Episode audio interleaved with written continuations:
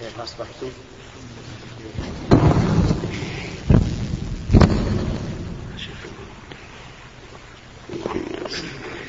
مفتوح هذا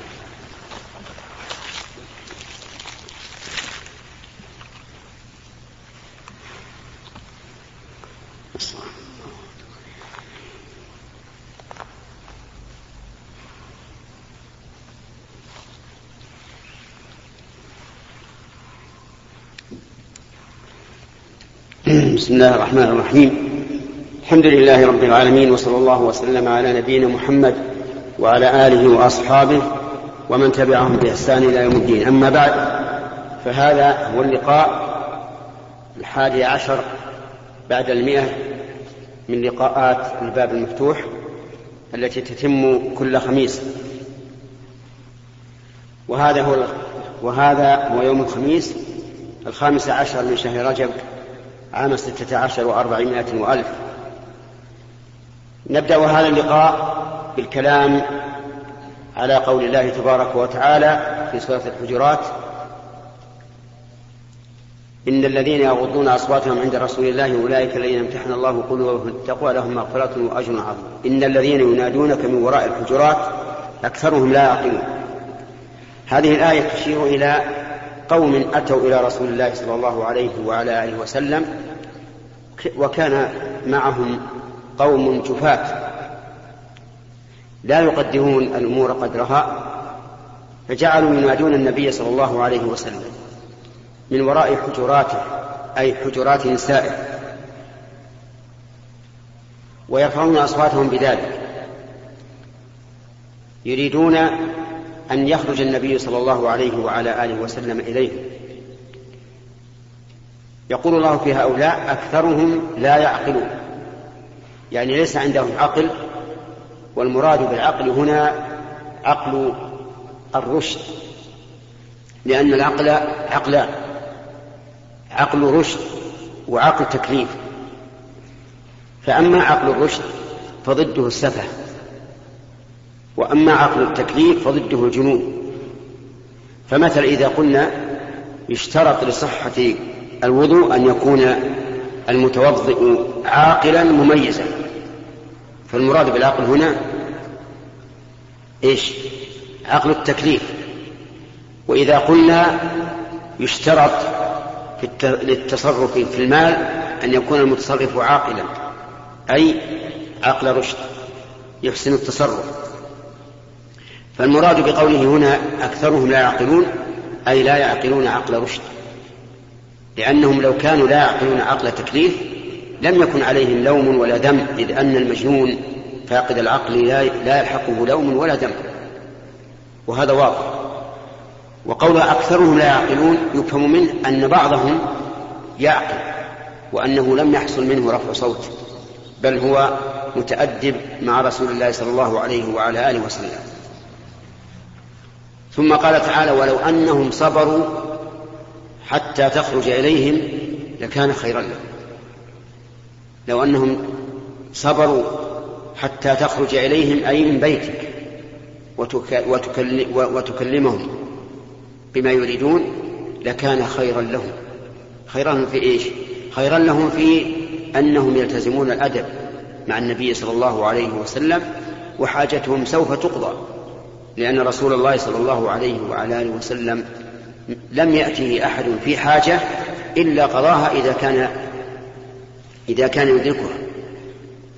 وهو أحق الناس بقول الشاعر ما قال لا قط إلا في تشهده لولا التشهد كانت لاؤه نعم. أكثر ولو أنهم صبروا حتى تخرج إليهم لكان خيرا لهم والله غفور رحيم. وفي قوله تعالى والله غفور رحيم إشارة إلى أن الله غفر لهم ورحمهم. وهذا من كرمه جل وعلا أنه يغفر ويرحم. وقد أخبر الله تعالى في كتابه أن الله لا يغفر أن يشرك به ويغفر ما دون ذلك أي ما سوى الشرك لمن يشاء. فكل أحد أذنب ذنبا دون الشرك مهما عظم فإنه تحت مشيئة الله. إن شاء عذبه وإن شاء غفر له. ما لم يتب فإذا تاب فلا عذاب. لقوله تعالى والذين لا يدعون مع الله إلها آخر ولا يقتلون النفس التي حرم الله إلا بالحق ولا يزنون ومن يفعل ذلك يلقى أثاما. يضاعف له العذاب يوم القيامة ويخلد فيه مهانا إلا من تاب وآمن وعمل عملا صالحا فأولئك يبدل الله سيئاتهم حسنات وكان الله غفورا رحيما. هنا قلنا أن الآية تدل على أن الله غفر لهم ورحمهم فمن أين نأخذ هذه الدلالة؟ نأخذها من أن الله ختم الآية بقوله والله غفور رحيم. وهذا يدل على أنه غفر, غفر لهم ورحمهم. ولذلك قال العلماء في قول الله تعالى في, في الذين يحاربون الله ورسوله ويسعون في الأرض فسادا قال جزاؤهم أن يقتلوا أو يصلبوا أو تقطع أيديهم وأرجلهم من خلاف أو ينفوا من الأرض. ذلك لهم خزي في الدنيا ولهم في الآخرة عذاب عظيم. إلا الذين تابوا من قبل أن تقدروا عليهم فاعلموا أن الله غفور رحيم. أخذ العلماء من هذه الآية أن هؤلاء المفسدين المحاربين لله ورسوله إذا تابوا قبل القدرة عليهم سقط عنهم العذاب. واستدلوا بأن الله ختم الآية بقوله فإن الله غفور رحيم. فاعلموا أن الله غفور رحيم. أي قد غفر لهم ورحم وهذه مسألة نكتة هذه نكتة ينبغي للإنسان لطالب العلم أن ينتبه لها في الآيات. أن ختمها دليل على أن ختم الآية بعد ذكر الحكم دليل على ما تقتضيه هذه الأسماء التي ختمت بها الآية. ولهذا قرأ رجل قول الله تعالى والسارق والسارقة فاقطعوا أيديهما جزاء بما كسبا نكالا من الله والله غفور رحيم. فسمعه الأعرابي عنده فقال له اقرأ الآية. أعد الآية. فأعاد. وقال والسارق والسارقة فاقطعوا أيديهما جزاء بما كسبا نكالا من الله والله غفور رحيم. قال له أعد الآية. فأعادها. فقال والسارق والسارقة فاقطعوا أيديهما جزاء بما كسبا نكالا من الله والله عزيز حكيم. فقال الآن يعني الآن أصبت. ثم علل قال لأنه لو غفر ورحم ما قطع. ولا تتناسب المغفرة والرحمة مع القطع. لكنه عز وحكم فقطع. فتأمل هذا الفهم فإنه مفيد لك جدا. الشاهد من هذا أن قوله تعالى ولو أنهم صبروا حتى تخرج إليهم لكان خيرا لهم والله غفور رحيم. أن الآية تدل على أن الله غفر لهم ورحمهم ثم قال الله تبارك وتعالى يا أيها الذين آمنوا إن جاءكم فاسق بنبأ فتبينوا. قوله تعالى يا أيها الذين آمنوا قال ابن مسعود قال ابن مسعود رضي الله عنه إذا سمعت الله يقول يا أيها الذين آمنوا فأرعها سمعك. يعني استمع لها. فإما خير تؤمر به وإما شر تنهى عنه. إذا سمعت الله يقول يا أيها الذين آمنوا لأن, لأن هذه نداء ونداء بأشرف الأوصاف وهو الإيمان. يا أيها الذين آمنوا إن جاءكم فاسق بنبأ فتبين. فمن هو الفاسق؟ الفاسق هو من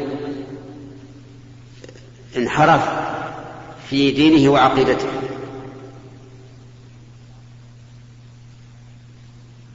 انحرف في في دينه ومروءته. وضده العدل وهو من استقام في دينه ومروءته.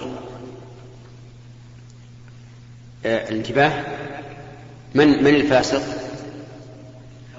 من انحرف في دينه ومروءته. والعدل من استقام في دينه ومروءته وهو ضد الفاسق. فإذا جاءنا فاسق منحرف في دينه ومروءته بمعنى أنه مصر على المعاصي تارك للواجبات لكنه لم يصل إلى حد الكفر أو منحرف في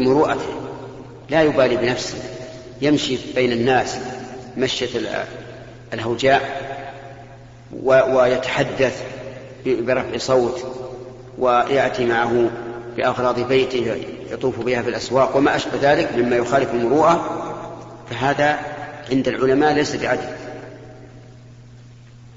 في هذه الآية يقول الله عز وجل إن جاءكم فاسق بنبأ خبر أي خبر من الأخبار؟ وهو فاسق. ولنطبق هذه هذه المسألة على الواقع. جاءنا رجل حالق اللحية. حالق اللحية فاسق. لماذا؟ لأنه مصر على معصية الله ورسوله. فإن النبي صلى الله عليه وعلى آله وسلم قال أعفوا اللحى وهذا لم يعفي لحيته بل حلقها فهذا الرجل من الفاسقين لأنه مصر على معصية. جاءنا بخبر هل نقبله؟ لا. هل نرده؟ لا. لا نقبله لما, لما عنده من الفسق. ولا نرده لاحتمال أن يكون صادقا. ولهذا قال الله عز وجل فتبينوا ولم يقل فردوه ولم يقل فاقبلوه. بل يجب علينا أن نتبين وفي قراءة فتثبتوا وهما بمعنى متقارب. المعنى أن نتثبت.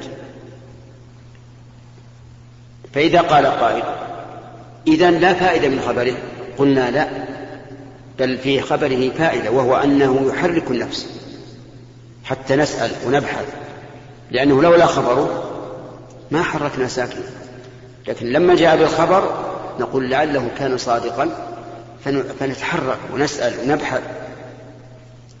فإن شهد له الواقع بالحق قبلناه لوجود القرينة الدالة على صدقه وإلا وإلا رددناه. وقوله سبحانه وتعالى إن جاءكم فاسق بنبأ فتبينوا يفيد أنه إذا جاء عدل فإننا نقبل الخبر. لكن هذا فيه تفصيل عند العلماء فيه تفصيل دل عليه القرآن والسنة. فمثلا الشهادة بالزنا لو جاءنا رجل عدل في دينه مستقيم في مروءته وشهد أن فلانا زنى. هل نقبل شهادته؟ لا. وإن كان عدلا. بل نجلده ثمانين جلدة. لأنه قذف هذا الرجل البريء. قذفه بالزنا. وقد قال الله تعالى والذين يرمون المحصنات ثم لم يأتوا بأربعة شهداء فاجلدوهم ثمانين جلدة. فنجلده ثمانين جلدة. ولا نقبل له شهادة أبدا. ونحكم بأنه فاسق. وإن كان عادلا حتى يتوب. شهد شهد رجلان عدلان. على زيد أنه زنى. نقبل شهادتهما. لا. ثلاثة. لا. أربعة. نعم.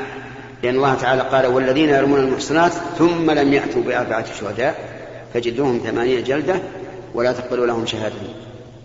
أبدا وأولئك هم الفاسقون وقال تعالى لولا جاءوا بأربعة شهداء فإذا لم يأتوا بالشهداء فأولئك عند الله هم الكاذبون. حتى وإن كانوا صادقين لو جاءنا ثلاثة نعرف أنهم ثقات عدول وشهدوا بالزنا على شخص فهم عند الله كاذبون.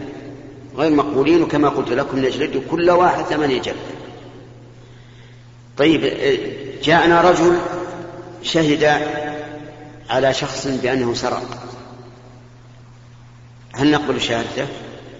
لا. لا بد من رجلين. جاءنا رجل شهد بأنه رأى هلال رمضان. نقبل شهادته؟ نعم نقبله لأن السنة وردت بذلك. فقد قال عبد الله بن عمر رضي الله عنهما تراءى الناس الهلال يعني ليلة الثلاثين من شعبان فأخبرت النبي صلى الله عليه وسلم أني رأيته فصامه وأمر الناس بالصيام. طيب رجل كان غنيا فأصيب بجائحة ثم جاء يسأل, يسأل من الزكاة وأتى بشاهد أنه كان غنيا أصابته جائحة وافتقر فهل نقبل شهادة الواحد؟ لا نقبل شهادة اثنين؟ لا لا بد من ثلاثة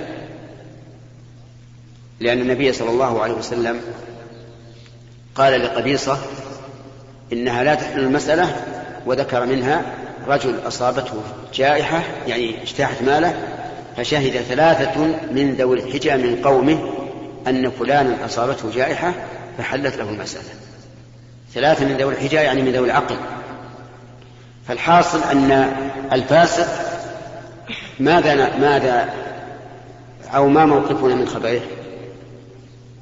إيش؟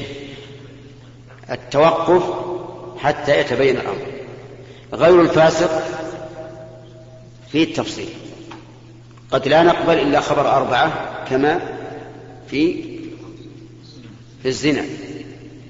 أو ثلاثة كما في الرجل الذي أصاب كان غنيا فأصيب بجائحة ثم جاء يسأل الصدقة فإننا لا نقبل منه حتى يشهد ثلاثة.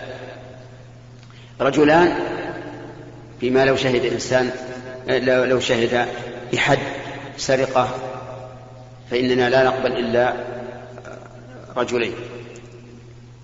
ممكن نقبل رجل مع مع يمين المدعي كما لو ادعى شخص على آخر بأنه يطلبه ألف ريال. فقلنا للمدعي هات بينة. قال عندي رجل واحد. إذا أتى بالرجل الواحد وحلف معه حكمنا له بما ادعاه وعلى هذا فخبر العدل فيه تفصيل على ما سمعت وفي أشياء أيضا لا لا يتسع المقام لذكرها. ثم بين الله عز وجل الحكمة من كوننا نتبين بخبر الفاسق. فقال أن تصيبوا قوما بجهالة فتصبحوا على ما فعلتم نادمين. يعني أمرناكم أن تتثبتوا كراهة أن تصيبوا قوما بجهالة لأن الإنسان إذا تسرع ولم يتثبت فقد يعتدي على غيره بناء على الخبر الذي سمعه من الفاسق. وقد يكره وقد يتحدث به في المجالس. فيصبح بعد ذلك إذا تبين أن خبر الفاسق كذب يصبح إيش؟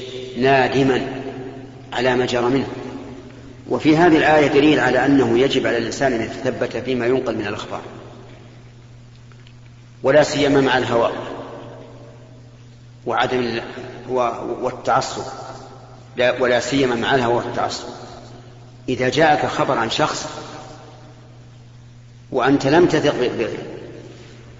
بقول المخبر يجب أن تتثبت. وأن لا تتسرع في الحكم لأنك ربما تتسرع وتبني على خبر على هذا الخبر الكاذب فتندم فيما بعد. ومن ثم جاء التحذير من النميمة وهي أن ينقل كلام الناس بعضهم إلى بعض ليفسد بينهم. حتى قال النبي صلى الله عليه وعلى آله وسلم لا يدخل الجنة قتات أي نمام. وصح عنه صلى الله عليه وسلم أنه مر بقبرين يعذبان فقال إنهما لا يعذبان وما يعذبان في كبير أي في أمن شاق عليهما أما أحدهما فكان لا يستتر من البول أو لا يستبرئ أو لا يستنزه من البول روايات. وأما الآخر فكان يمشي بالنميمة يمشي بين الناس ينم الحديث إلى الآخرين ليفسد بين الناس. ثم أخذ جريدة رطبة فشقها نصفين وغرز في كل قبر واحدة فقالوا يا رسول الله لما, لما فعلت هذا؟ قال لعله يخفف عنهما ما لم ييبسا أن تصيبوا قوما بجهالة فتصبحوا على ما فعلتم نادمين. ومن هذا النوع ما ينسب إلى بعض العلماء من الفتاوي التي لم يتكلم بها إطلاقا أو تكلم بضد ما ينقل عنه. فإن بعض الناس قد يفهم من العالم كلمة على غير مراد العالم بها وقد يسأل العالم سؤالا يتصوره العالم غير ما في نفس هذا السائل. ثم يجيب على حسب ما فهمه ثم يأتي هذا الرجل وينشر هذا القول الذي ليس بصحيح. وكم من أقوال نسبت إلى علماء أجلاء ولكن لم يكن لها أصل. لهذا يجب التثبت فيما ينقل عن العلماء أو غير العلماء. ولا سيما كما قلت لكم آنفا لا سيما في هذا الزمن الذي كثرت فيه الأهواء وكثر فيه التعصب وصار الناس كأنهم يمشون في عماء. وإلى هنا ينتهي ما أردنا من الكلام على هذه هذه الآية وإلى الأسئلة ونبدأ بالأخوان الذين ليسوا من هذا البلد لأنهم جزاهم الله خيرا آه، ركبوا الصعاب والمشقات فنبدأ بها والأسئلة تكون بالدورية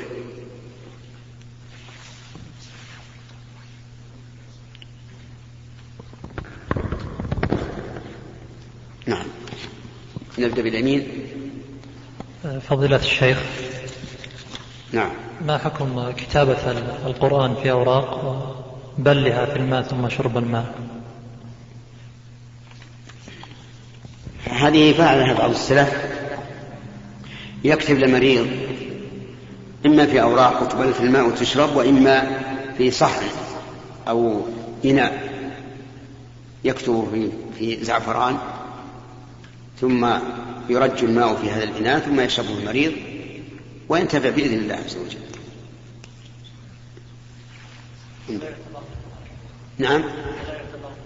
لا لا لا يعتبر هذا القرآن. هذا بل من تشريف القرآن أن يعتقد الإنسان أن فيه شفاعا. نعم. فهمت الشيخ يسألك عن الراية في الزواج. الراية عندنا في راية في الزواج.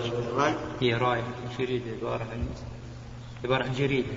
في الأزواج إيه وش يسوون؟ في الأزواج يعني عند النساء؟ إيه وش يسوون فيها؟ يعني يسوونها في البيت كذا راية. آه. يعني جريدة نخل إيه نخل يضعونها على الجدار على الجدار إشارة إلى أن هذا فيه زواج. إيه؟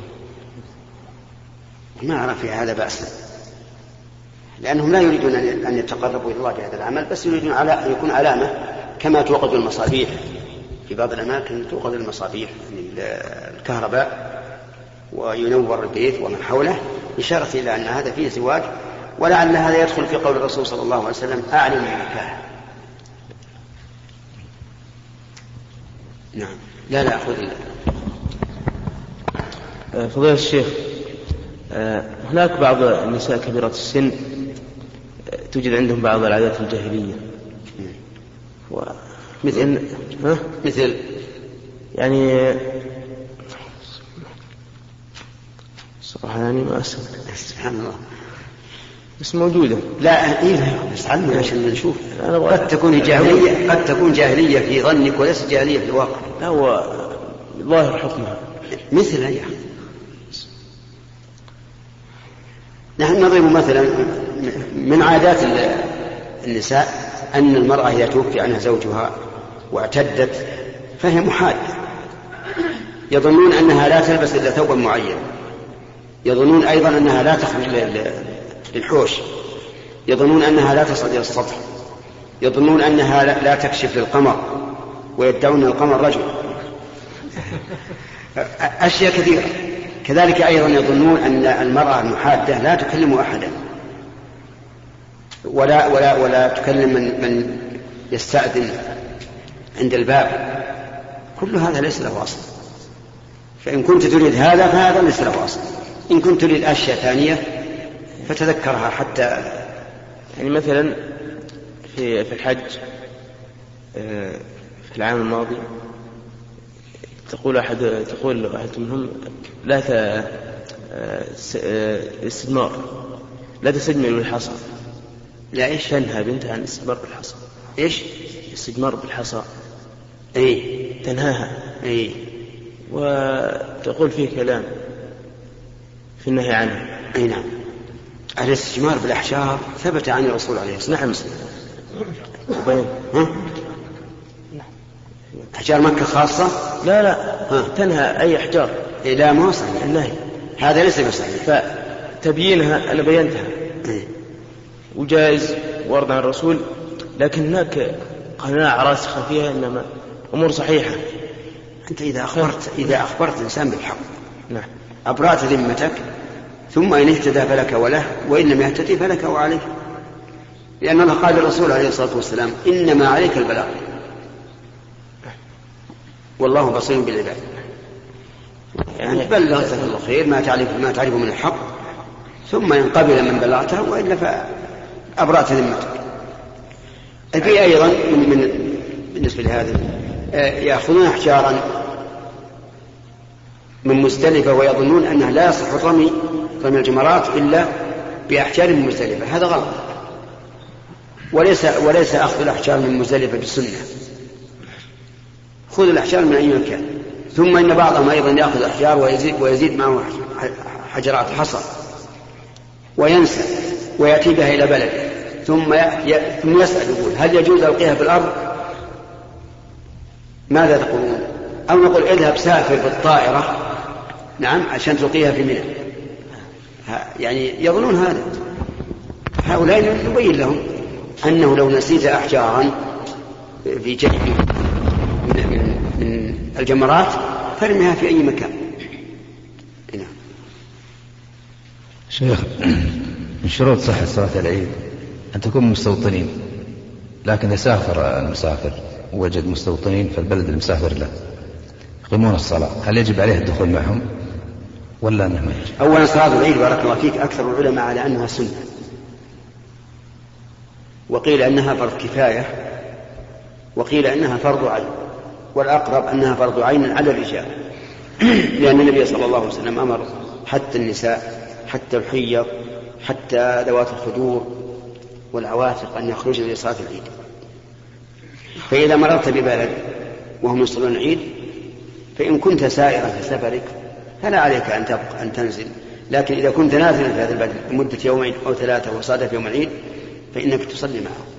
مثل الشيخ بين الطوف مثلا أو المناسك هل مكة يهدون إي نعم. كذلك. مثلا إذا إذا كنت في مكة وأقام صلاة العيد وأنت تطوف فاقطع الطواف. اقطع الطواف وصل العيد ثم كمل من المكان الذي أنت قطعت منه. طيب على الرجال والنساء فرض عين يعني؟ لا النساء ما يظهر بينها فرض عين لكن الرسول أمر بذلك أمر النساء أن تخرج. ولهذا ليس هناك صلاه تدعى إليها المرأة لا الجمعة ولا الصلوات الخمس ولا قيام رمضان إلا صلاة الليل. نعم. بالنسبة يا شيخ ضرب الأمثال بالقرآن. إيش؟ ضرب الأمثال بالقرآن. نعم. مثلا يقول أحد ويمكرون يمكر الله إذا رأى رجل مثلا احتال عليه وكذا. نعم. أو يخادعون الله وهو خادع إذا إذا صح أن تنطبق الآية على هذا المعنى فلا بأس. لأن الرسول صلى الله عليه وسلم استشهد بالقرآن.